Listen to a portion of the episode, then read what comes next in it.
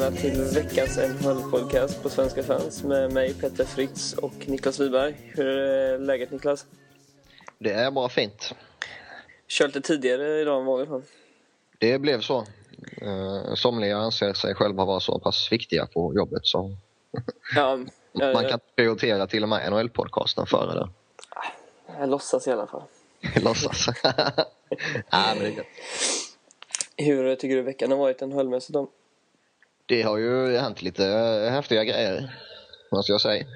Vi har ju fått uh, den första lite större traden. Mm. Det har ju äntligen löst sig med tv-rättigheterna här i Sverige. Även om det fortfarande är några frågetecken. Som mm. rätas ut? Som vi hoppas kommer rättas ut, ja. ja. Men den här traden är ju mellan två helt ointressanta lag. Ja, i praktiken. ja, nej, men jag tycker vi tar lite snack om den traden faktiskt. Den, det är ju det låter väl alldeles utmärkt. Den första. Eh, det var ju mellan Vancouver och Florida. Och eh, mm. då skickade ju eh, Florida David Booth och ett draftval tredje rundan som faktiskt var Vancouvers. Eh, som, som kom eh, till Florida i Chris Higgins-traden. Eh, mm. till, till Vancouver och utbyte mot Mikael Samuelsson och Marco Sturm. Jag får inte glömma att Florida dumpade ju Steven Ramprakt också. Ja, just det. Det stämmer. Det, honom tänkte jag inte alls på. Nej, det, det är knappt han förtjänar det heller, höll jag på att säga. Men då har jag en, en väldigt löjlig fråga egentligen. Spelar han i NHL i år? Nej. Det gör han inte? Han är kvar Nej. i Adler Mannheim eller? Nej, jag tror att han äh, än så länge var i AHL bara. Jaha, okej. Okay. Ja, han försvinner säkert i Europa. Ja, det var ju en ren eh, liksom få bort uh, hans... Uh, ja, det, ja, precis. Det, är, det är ju hans pengarna. dollar från organisationen liksom. Ja, precis. Det var inte, det var inte lönetaksträff utan, utan bara rena pengar. Ja, ja. Uh, men det är ju en lite konstig trade egentligen, måste man ju säga. Ja, Alltså, Florida... Det här är en rätt tydlig indikation på att de har gett upp uh, hoppet om uh, David Booth. Han, uh, han var väldigt, väldigt lovande um, för några år sedan. Men så fick han ju den här smällen av Mike Richards. Då, va? Och det var ju en hel del snack där om om den eh, tacklingen var okej okay, eller om den var åt helvete så att säga. Men eh, det var ju rätt tydligt att eh, karriären för Booth har gått rätt rakt neråt efter den och han har inte lyckats komma tillbaka till det. Nej, precis. Men det är värt att säga att är, han skrev på ett sexårskontrakt för några år sedan. Och, ja. och det var ju inte Dale Talon som skrev det heller. Nej. Så att det, på, på ett sätt så är det som att han rensar i en organisation som han tar ut de sista spelarna som han själv inte tog in. Ja, och alltså wingers har eh, Florida rätt okej okay på faktiskt. Mm.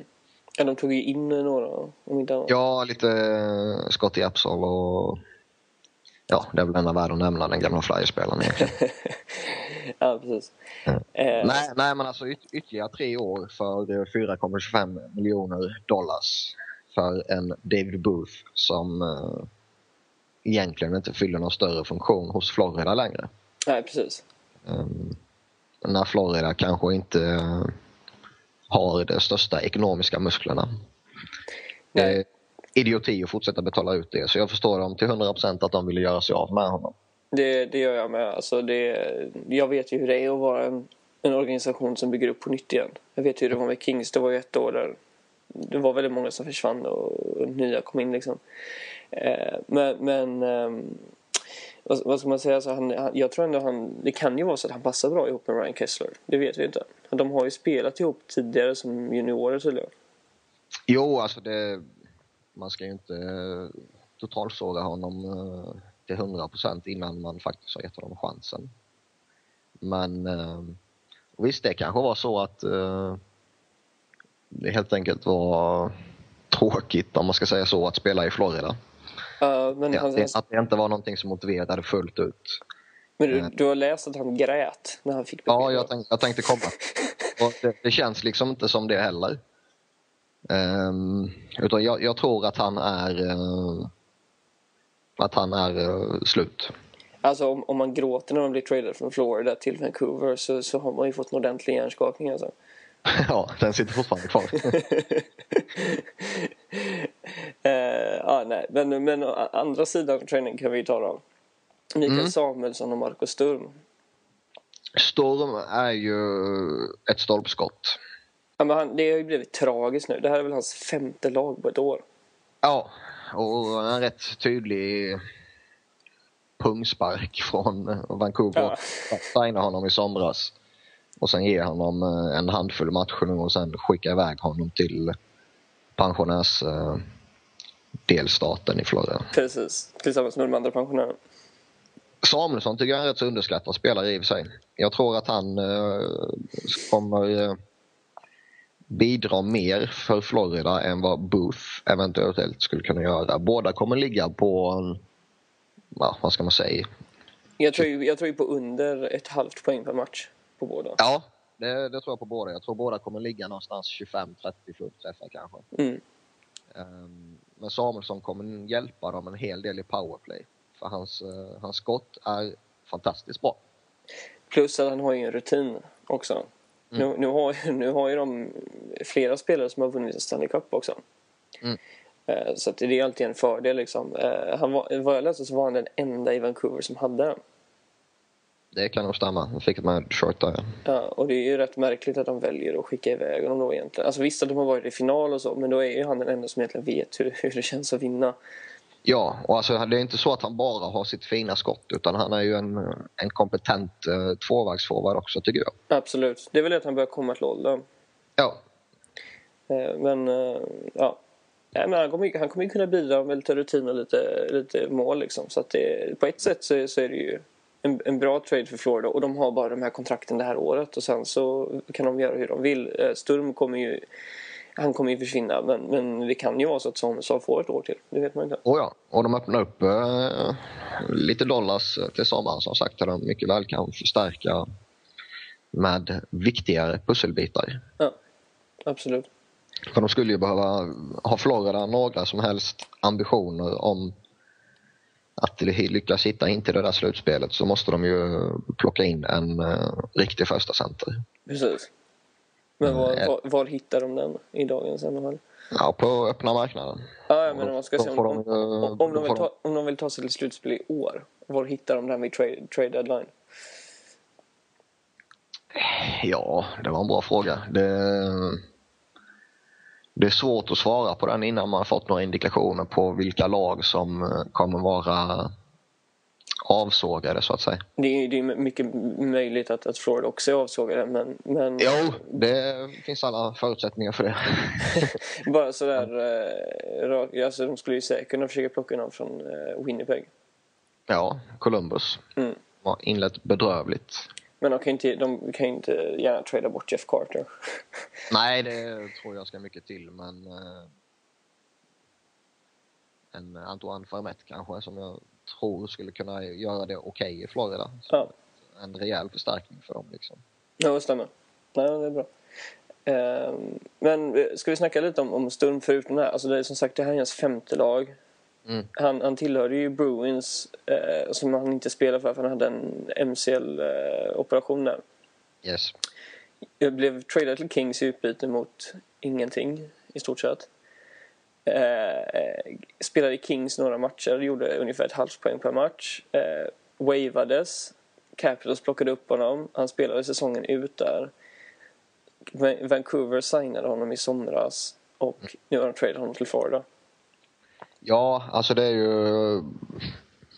Han var ju faktiskt duktig för en fem år sedan kanske. Eller ja, tre år sedan också. Ja, Eh, En stabil 20-30 målsskytt liksom. Som eh, i bästa fall kom upp till en 50 poäng kanske.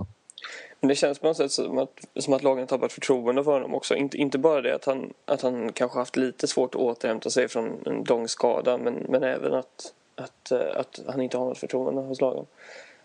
Nej precis. Dels förtroende men eh, också faktisk eh, kompetens. Ja, jo, absolut. absolut. Men, men man bygger ju inget förtroende, eh, självförtroende heller om, man, inte- om inte andra har förtroende på honom. Nej, verkligen inte. För att jag menar, Kings gav ju upp honom på 18 matcher. Då hade han ju ändå ja, var den... Det var en nio, nej, 17 matcher och 9 poäng tror jag det var. Så det var inte helt kast ändå. Nej, det är okej så sett. Eh, Men, eh, Som sagt, det är väldigt kort tid. Men, men oavsett så... men alltså, Marcus Sturm är ju, hur man än vrider och vänder på det, inte en spelare som du kan ha i topp 6 när du har ambitionen att faktiskt uträtta någonting med din säsong. Nej, det är klart, Boston, Boston gjorde sig av med honom och vann en cup. Ja, alltså de skickade iväg honom och Vancouver plockade in honom och lät han spela liksom topp 6 lite där då va. Ja. Men ehm, Han är ju inte det längre i alla fall. nej, de ångrade sig nog rätt, eller nog, det gjorde de ju. Men Ja. de, de ångrade sig rätt fort verkar det som. sex, sex matcher, noll poäng. Ja, det säger ju sitt liksom. Mm. Eh, en, en annan intressant aspekt i den här traden är ju att, att Florida och Vancouver har en eh, historia av att trada med varandra. Mm. Eh, och den första som, alltså de har ju haft olika general managers under den här tiden. Eh, men den första stora traden som jag hittade var när Pavel Bura skickades till, eh, till Florida. Mm. 1999 där. Och sen dess har det ju trillat in en, en hel del eh, lite större grejer. Ja, det största man tänker på är ju... Eh, Luongo va? ja, precis. Jag skulle bara se om du var med. ja, precis. eh, nej, men Longo och eh, Torba Tutsi. Ja. Bertuzzi fick ju inte mycket uträttat där. Eh, Definitivt inte. eh, men de, nej men Longo har ju gjort bra ifrån sig i Vancouver. Och han hade inte fått spela slutspelshockey innan. Eh, när han skickades till, till Vancouver då. och Bertuzzi blev skickad till Florida och sen så tradade de vidare till Detroit lite senare. Eh, och sen så har det varit Ballard, eh, Ballard, Ballard och eh, eh, Grabner Mm. som Florida valde väl att wava Grabner. Eh, smått legendarisk eh, situation också. Har det visat sig. ja, 34 mål på en säsong. Ja.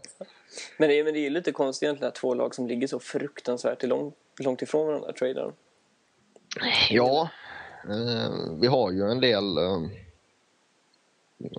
Alltså det, det, det är ju vissa lag i ligan som har bra connections Mm. oavsett vilka ehm, general managers och övriga ledare så att säga. Oavsett vilka som sitter på de posterna. Ja. Men då kan man ju även betänka att, att Dale Talon var GM och, och var en av ledarna i Chicago. Och, Mm. och de hade ju några riktiga slutspelsbataljer mot Vancouver i slutspelet. Mm. Men det känns som att sånt, sånt är nog något som smattar mer på isen och i båset. Eh, och inte uppe hos ledningen så att säga.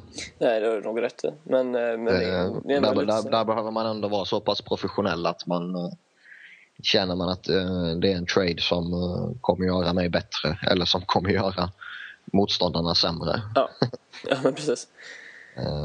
Då måste man eh, sopa sånt under mattan. Ja, absolut, har du helt rätt. Ehm, ja, har vi något mer att säga om, om den här traden egentligen? Nej, det enda, enda man kan säga, en sån som uh, Rhineprecht, är ju att eh, liknande stormsituationen så är det också en tidigare väldigt kompetent spelare som har förfallit också. Absolut. För det var inte eh, jättemånga år sedan eh, han var en helt okej NHL-spelare. Nej, när, när Florida signade honom, när det nu var, var det, eller tog in honom var väl, det kan ha varit 2007, 2008. Då, då var han ju fortfarande hyfsat kompetent. 2009 var det. Var det så sent till och med? Jajamän. Då var han ju hyfsat kompetent ändå, Ja, skulle jag säga. och liksom ser man där eh, efter eh, sekelskiftet och framåt några år där så var han en, en, eh, en fin spelare tycker jag personligen. Absolut. Han, Sen- men, han har ju blivit lite av en journeyman också. Ja, det har han. Han har varit i Kings och Colorado och Calgary och Phoenix, Florida. Ja. Så nu, nu får vi se om det blir något uh, Vancouver. Det känns ju tveksamt. Eh, Det skulle väl vara en, en tredje kedja eventuellt. Så. Ah, Nej, det är om det blir massa skadeproblem liksom, Ja. känns det som. Ja, men precis. Eh, ja, men eh, då tycker jag vi går vidare. För att, eh, Det kan vi mycket Ryan, väl göra. Ryan Prick gör ingen glad i dagsläget. Ja, och han gör ju Florida glada. Fast, ja, okej. Eh, Eller? ja, jag vet inte, men det var ju deras egna val att, att göra sig glada. Ja, men jag menar det. De är ju glada. Ja. Eh, TV-rättigheterna då. Mm. Och eh, det, det är ju äntligen klart nu efter mycket om och men. Ja, det är äntligen klart och det är givetvis fantastiskt skönt. Men det är fortfarande, som vi sa i början på programmet, en del frågetecken. Du menar att du har en del klagomål? Klagomål vet jag inte. Jag har ju lipat rätt så rejält eh, Ja, det vet jag. de här eh, två veckorna. Men eh, det handlar ju i praktiken om att eh, förhandlingarna inte blev klara innan säsongen började. Men vi kan ju säga så vi kan ju dra det från början egentligen hur det har, hur det har varit innan. Mm. Och, hur, hur, hur det har förändrats. Alltså det har ju varit så att, att eh, ISBN har ägt rättigheterna i Europa. Om jag, inte, om jag inte är helt fel så har ISBN ägt rättigheterna och sedan sålt vidare dem till olika länder. Eh, I alla fall vissa delar, vissa matcher. Eh, så ISBN America har visat matcher och eh, online så har ISBN Player visat matcher, eller gamla ISBN 360. Mm. Och sen så har Viasat fått en del matcher i, i Norden och sådär. Eh, Men, men i år då, i, i juli, så köpte ett företag som heter Medge Consulting rättigheterna till Europa, Afrika och Mellanöstern. Eh, För att sedan inte visa dem utan att sälja, dela upp dem och, och sälja vidare till olika länder. Mm. Och varför man köper rättigheterna till Afrika och Mellanöstern förstår jag inte riktigt. Eh, Men, men Du menar det finns ingen marknad för NHL där? Jag skulle inte säga ingen, för jag tror att hockey, hockey spelas ju ändå i Israel. Eh, Men Du menar det finns en begränsad marknad? en, en begränsad marknad, ja. Ja, jag är jag är beredd att hålla med. Men eh, ja. Det, det, nu, nu har jag dragit den, den korta storyn. här, Att, alltså, det var ett svenskt företag som heter Medge Consulting som eh, köpte dem eh, för att sedan sälja vidare. Ja, För stora pengar. ja. Och alltså det här med att... eh, För jag menar att gå- går det så långt så att det går in under säsongen, under säsongsinledningen, där man i Sverige och i övriga nordiska länder också givetvis, va? inte på ett lagligt sätt kunde se NHL. Det är ju helt bedrövligt. Absolut. Men samtidigt kan vi vara glada att vi lever i år 2011 så att vi faktiskt kan se det på annat sätt. Jo, jo, så är det. Och liksom det, det är också ett eh, ilandsproblem givetvis. Men eh, alltså, alltså ju- just att förhandla under pågående säsong och inte visa någonting och inte kommentera det mer än att säga att vi inte kommer kommentera det. Nej, alltså jag, Eh, jag, Sen, sen menar ju inte jag att man liksom ska gå ut och slänga upp att eh, så här många pengar rör det sig om eller liksom företagshemligheter så att säga. Men eh, någon form av information om varför det drar ut på tiden och inte bara säga att vi kommer inte kommentera det men det kommer bli klart, klart inom kort. Eh, alltså jag, hörde ju lite om, om, om förhandlingarna. Alltså det var bara att, att det förhandlades eh, några dagar före premiären. Och, så att då snackar vi två veckor där det bara förhandlades. Så att jag, jag, förstår, jag förstår dem helt och hållet. Jag kan säga så här att jag fick höra från en jag känner att de hade fått en bunt med mail som de hade skrivit ut i eh, ja, det var väl fem centimeter med papper eh, var det var väldigt många hot. Mm. Så jag kan förstå att de inte var så pigga faktiskt på att, bry sig om... Eh, alltså det här är Medge då, inte vi, inte vi har satt utan Medge fick de här Mm. mejlen. Och jag kan förstå att de inte var så pigga på att kommentera egentligen för att det där är ju mer... Jag förstår att de får alla mejlen. Ja, Eh, men, men eh, det, det var ju mer en... eh, Vad kan man säga? Alltså de säljer ju i tredje hand så de säljer ju till företag. Jo, och det, alltså det, där, där har ju vi, eller du och jag, pratat om eh, tidigare att det, det är en ond cirkel. Ska man skälla på NHL som släppte rättigheterna? Ska man skälla på Mage som köpte upp rättigheterna men som liksom inte har några ambitioner att, att visa dem så att säga? Mm. Eller ska man skälla på typ Viasat eller Kanal Plus eller SVT eller vilka som nu liksom inte ville köpa upp det så att säga från början? Nej, precis. Och jag väljer då bara att sitta och vänta. För, Mm. att, för att jag vet att det inte ger så mycket. Men, men eh, jag ska inte sätta mig på någon hög häst här utan det är två sidor liksom. Jag, jag, jag väljer att, att, att ligga lågt medan du, Ja. eh, du vill ha svar. Ja, alltså eh, svar eh, på, alltså att, på att det var som jag var inne på innan, de behöver ju inte förklara hela situationen liksom men bara gå ut och säga några, en, en kort pressrelease att liksom att eh, så här ligger det till. Att eh, det är det här som drar ut på tiden. Vi förväntar oss ha eh, det klart inom två veckor. Mm. Istället för att gå ut och säga att eh, vi kommer inte kommentera det. Eh, det kommer bli klart inom kort. Ja. Vill inte bara skapa ännu större frågor än vad som redan fanns innan. Liksom. Samtidigt så, så var det ju så att det skedde vissa förändringar för från början så hade de ju bara rätt till eh, en tredjedel av matcherna. Mm. Men sedan så verkar det som att de köpte loss ytterligare de andra två tredjedelarna. Mm. Så Om man kollar med sida så står det att de hade rätt till, jag tror ungefär 400 matcher per år. Okej. Mm. Men, men, eh, men nu då så har ju vi satt rätt till alla matcher. Ja. Sen, alltså nå- något av det största problemet också, det var ju att i och med att förhandlingarna kom igång så sent, eller det liksom kickade igång fullt allvar så sent, så, så släppte ju NHL upp Game Center. Mm. Och eh, Det gjorde Hade- de väl redan i somras? va?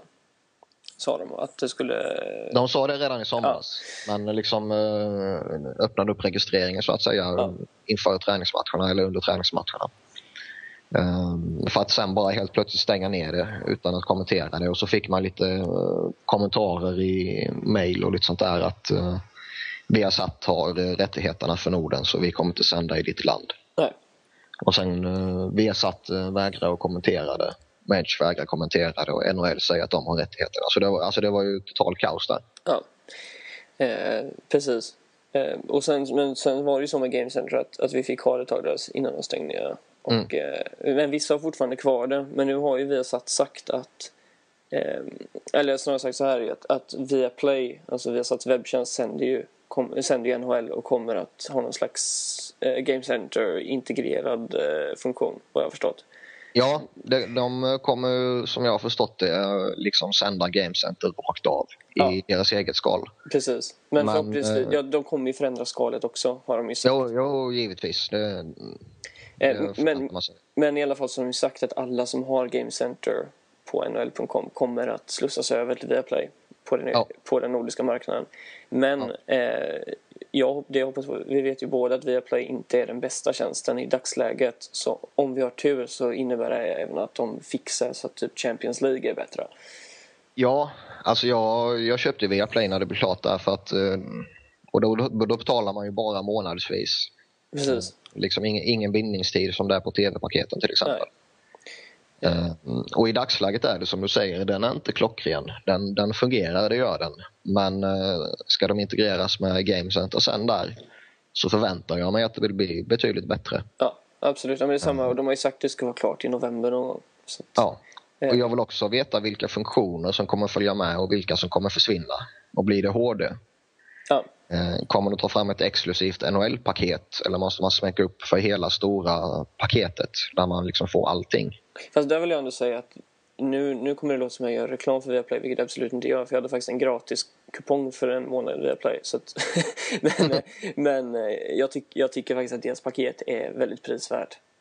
Det, ja, ja, det säger jag ingenting om. Men eh, många har ju inte något intresse av att se någon fotboll eller ha några filmer eller ha några tv-serier. Liksom. Men, men samtidigt, alltså att nu kostar NHL, NHL Game Center kostar ju ungefär 200 kronor i månaden.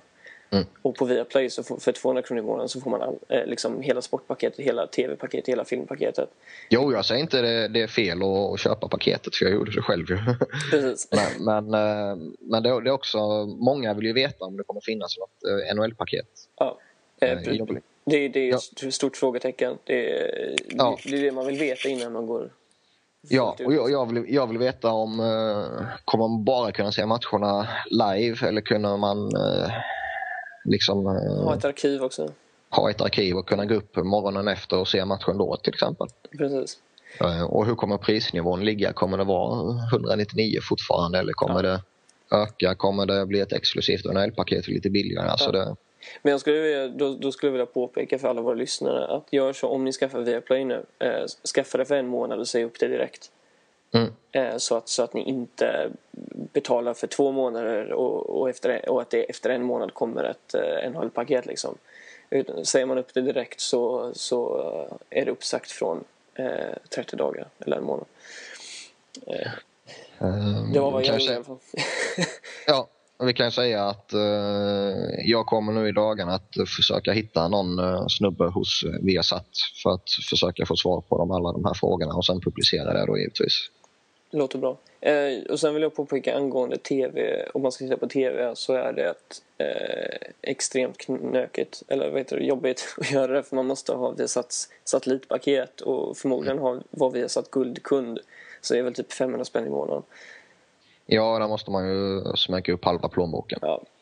Så att, eh, så att streama är faktiskt det bästa alternativet skulle jag säga. Jag menar, det, det går ju alltid att koppla in en dator till, eh, Ja. till tv. Definitivt. och få bra kvalitet där. Ehm, men eh, det känns som att det ämnet är dött nu. Tills vidare, fram tills vi får fler svar. Ja, Och då går vi vidare till det sämsta ämnet idag. En laggenomgång av ett lag som ingen av oss egentligen tycker om. ja, men vi känner oss eh, tvingade till det helt enkelt. Ja, vi vill ha fler lyssnare. Nej, men det blir en, en, en liten genomgång av Detroit Red Wings. Från, eh, från början till slut, så att säga. Jajamän. Eh, och då är det så att de bildades 1926 som Detroit Cougars. Och då hade, under, jag har insett här under, efter att fotbollslaget bildades 1929 så under jag tror ett eller två år så hette alla Detroits professionella idrottslag någonting med kattnamn. Imponerande. Ja, de hade alltså Cougars som var hockeylaget då, Lions i fotboll och Tigers i baseball. Men, men de måste ha insett att, alltså vad fan, vad är det här för jävla stad egentligen?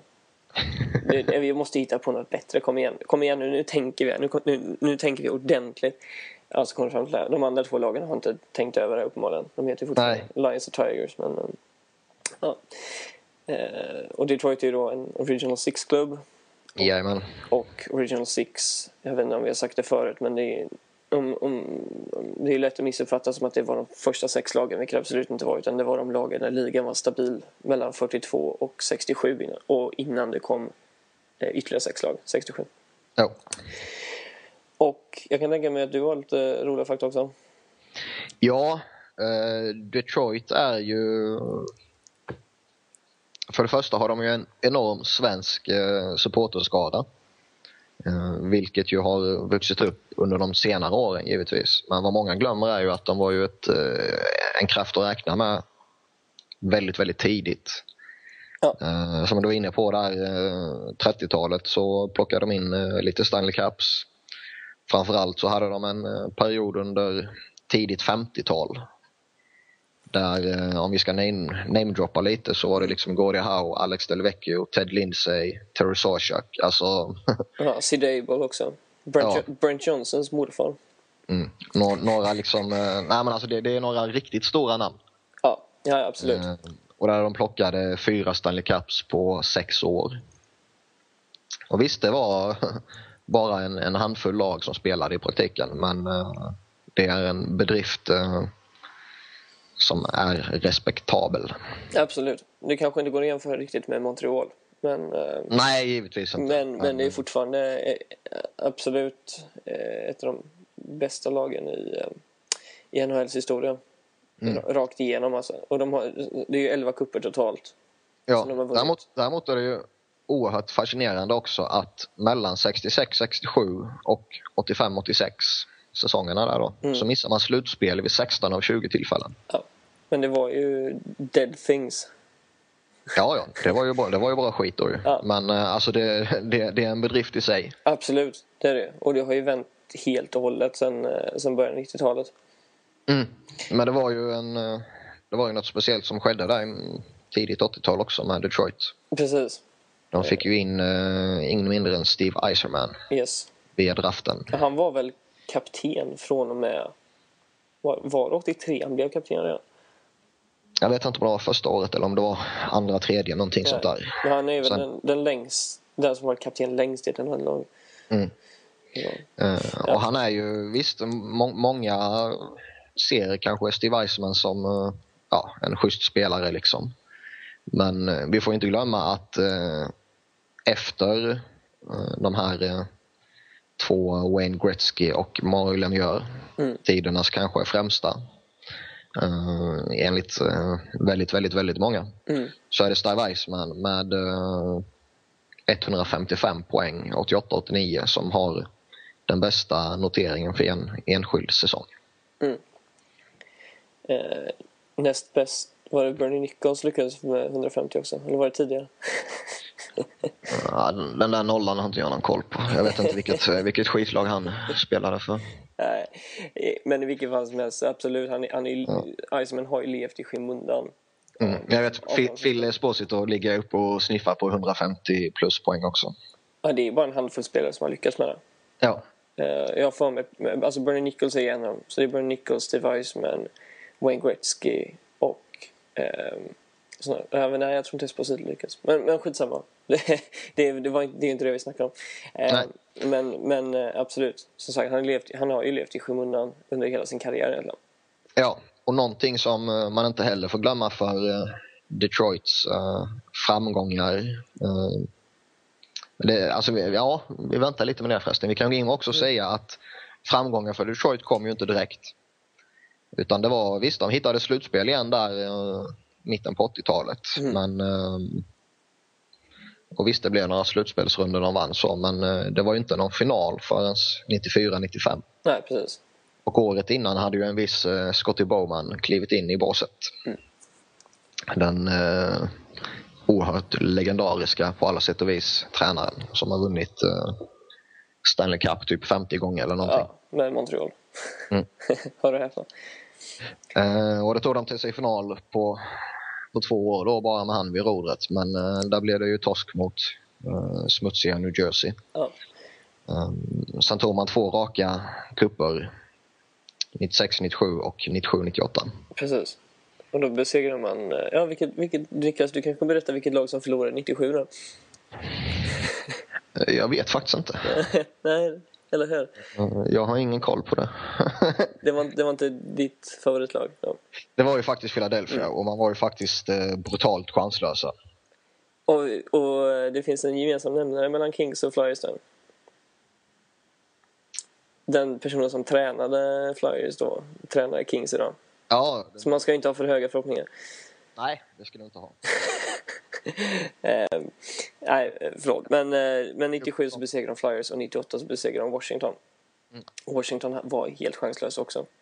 Ja. Och det var ju under den eran när... Eh, idag, om man säger idag så är Red Wings till stor del uppbyggt av svenskar.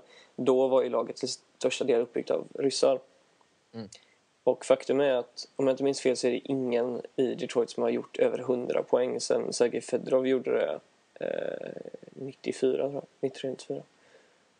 Det kan mycket väl stämma. Så att det är rätt imponerande att de har varit ett sånt, ja, ska vi säga powerhouse eh, i, i 20 år nu utan att oh en, en spelare, eller en, en eller två spelare då i tidigt gjorde över 100 poäng. Mm. Men sen, alltså de, de hade ju ett lagbygge som var alltså smått unikt. Så de hade alla de här ryssarna och sen en Brandon Shanahan, Steve Eisenman och vi får inte glömma en viss eh, Niklas Lidström. Nej, precis. Och eh, alltså en sån som eh, Thomas Sandström var det lite också, vill jag minnas om inte minnet sviker mig. Men jag tror inte han vann med dem, utan jag tror han skickades iväg det året. Ja. Um, en sån som Larry Murphy kom ju in och uh, var en viktig kugge när de vann. Ja, där han sades vara slut om jag inte minns fel. Mm. Uh, jag vill bara påpeka, på pappret, om man ska se till namnen, alltså in, kanske inte hur gamla de är, utan om man bara ser till namnen så var ju laget 2002 nästan det mest imponerande. Mm. För då hade man ju eh, Brett Hull, Luke Robitaille, Steve Eisenman, Larionov var väl kvar också. Mm. Chelios. Ja, Chelios, Lidström. Det är alltså... Fredrik Olausson. Och, och, en, och en viss Sean Avery också. Ja. Patetiskt. ja, Ove, Ove Krupp hade de. Ah, Gamla legenden. Honom ska vi inte skratta åt. Jo, det är ett hånskratt. Nej, det, det var en stor spelare i cup. Har du tänkt på att han är rätt lik Gary Curry? Menar du... Utseendemässigt. Utseendemässigt eller spelmässigt? Ja. Ut, utseende, utseendemässigt. Om inte jag minns fel så är han rätt lik Gary Curry och båda har väl liknande... Alltså, de brukar ju synas i VM-sammanhang. Mm. Eh, och jag brukar bli lite förvirrad då. Jag brukar undra vad Jari Kurri gör bakom Tysklands bänk. Och vad... Nej. Han har fått ett nytt jobb. Ja, precis. Han fin finnarna. Ja. Eh, nej, men, eh, men eh, hur, hur, ser, hur ser det ut idag egentligen? Vad säger vi om, om Detroit idag? Detroit idag är ju inte eh, samma liksom, powerhouse eh, som det var då, typ 02 eller eh, sent 90-tal också. Det, och det beror ju till stor del på grund av lönetaket att man kan inte sätta ihop så många stjärnor numera. Utan då, då måste man i så fall vara på ingångskontrakt. Ja. Eh, lite, men, men... lite Chicago förra året. Men de har ju fortfarande en väldigt, väldigt, väldigt, väldigt kompetent eh, lag givetvis. För.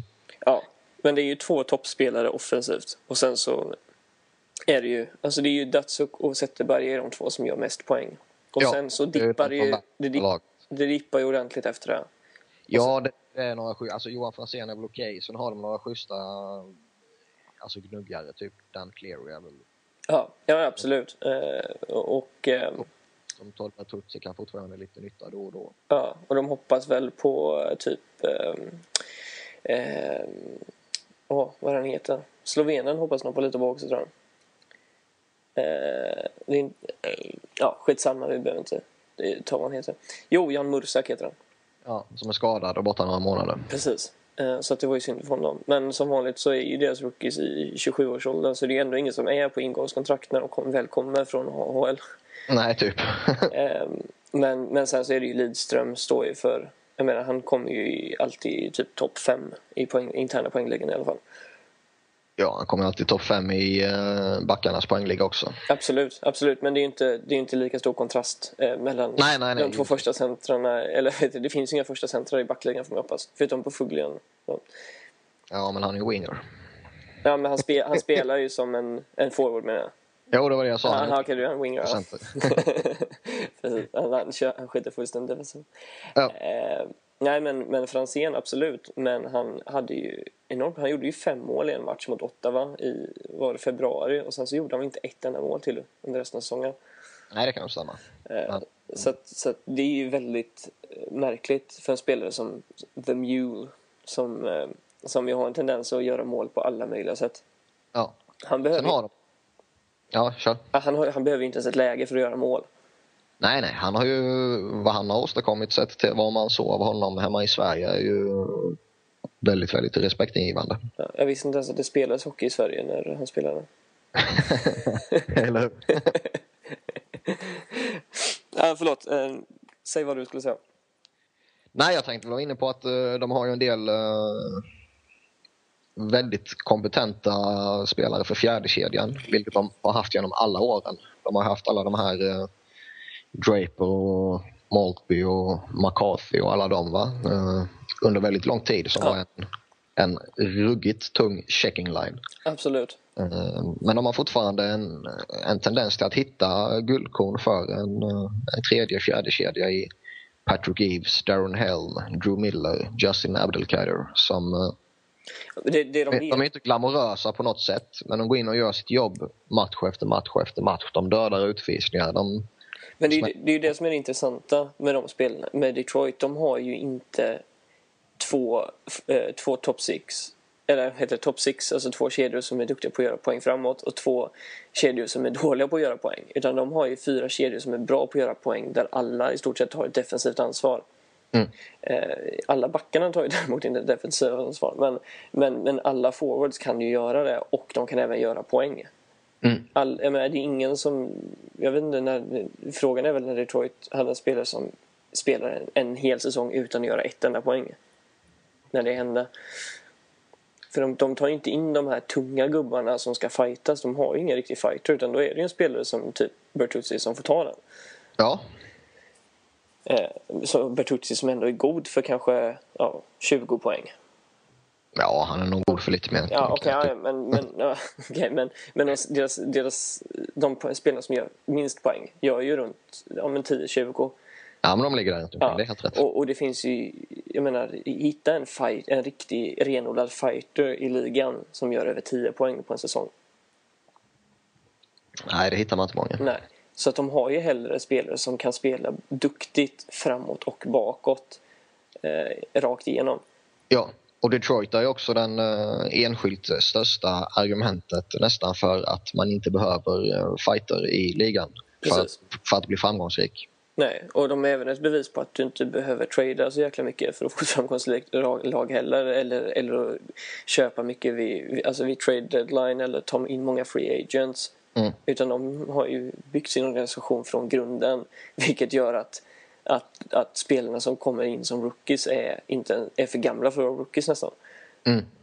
Uh, ja, man ska se, se till att, att, att de är unika på sitt sätt. Jag menar, jo, det, det, det, är ju en mönsterorganisation, det är ingen snack om saken.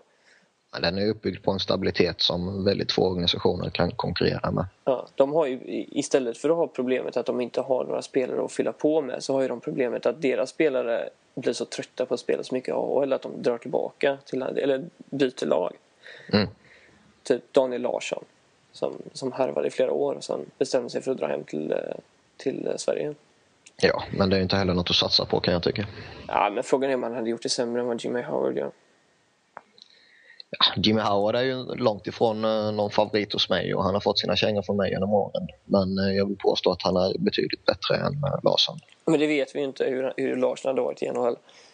Nej, givetvis inte, men baserat på vad man har sett av honom annars.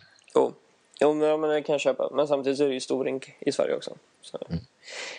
Um, men, nej, men how, alltså det är ju en, det är en typisk grej för Detroit också. De har ju aldrig satsat på en riktigt bra målvakt. Eller aldrig, aldrig, men de senaste eh, tio åren liksom. Ja, jag tycker att eh, plockar man in Dominik Hasek så gör man ju en hyfsad satsning där i alla fall. Även om han var gammal. Ja, okej. Okay, ja. Jo, du har rätt. Du, du, du har rätt. Hasek, Hasek köper. Ja. ja. Eh, men som sagt, han, han, hade, han hade kommit till, till åren där. Mm. Eh, men de aldrig... Ja, I övrigt Alltså... Nej, de har ju förlitat sig på en, en, pålitlig, stabil men inte på något sätt liksom glamorös målvakt. Så, liksom. Det har ju varit Osgood som har kämpat år in och år ut. Liksom. Ja, typ. Eh, en av våra skribenter, eller i alla fall före detta skribenter, har ju sagt till mig att eh, hade det inte varit för att Osgood var andra målvakt och, och, och sådär ett tag eh, och även, alltså om han hade spel, fått spela som en första målvakt så hade han haft alla Brothers rekord. Ja, det finns stolpskott lite överallt. Nej, men hur långsökt är det egentligen? Men om han hade spelat lika procent, procentuellt lika många matcher som, Oscar, som eh, Brodeur i Detroit under de senaste ja, 15-20 åren. Jo, visst, möjligheten finns ju. Det, det är väl så, va? Men eh, det skulle vara ett uh, hyfsat hån mot allting vad NHL heter att uh, Chris skulle vara tidernas främsta målvakt. Absolut, absolut. Det, Men det är väl bevis på, på, att... Något, på, något, på, något, sätt skulle hockeyvärlden hitta ett sätt att uh, radera ut de siffrorna ur historieböckerna. Jo, jo, men, men på ett sätt så kan man säga då att, att de här rekorden inte betyder allt för att säga att man är världens bästa målvakt. Nej, nej. Och sen alltså Osgood var ju en, han var ju inte dålig på något sätt. Nej, det var li, lite mot slutet där han föll ner i skiten rätt så rejält kanske. Ja, men han gick ut och sa att, att eh, grundserien bara är grundserien, liksom att det är slutspelet han spelar som bäst. Mm. Vilket han faktiskt gör också. Så, eller Ja. så att han stod ju för det, ord i alla fall. Det är det man ska göra också. Ja.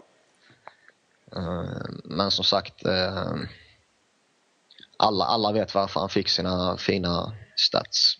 Precis. Det var inte för att han själv var en supermålvakt. Nej, nej. nej, nej. Bakom uh, ett hyfsat lagbygge. Ja. Nej, men det var ju det, var ju det min, min vän då påpekade. Jo, jo.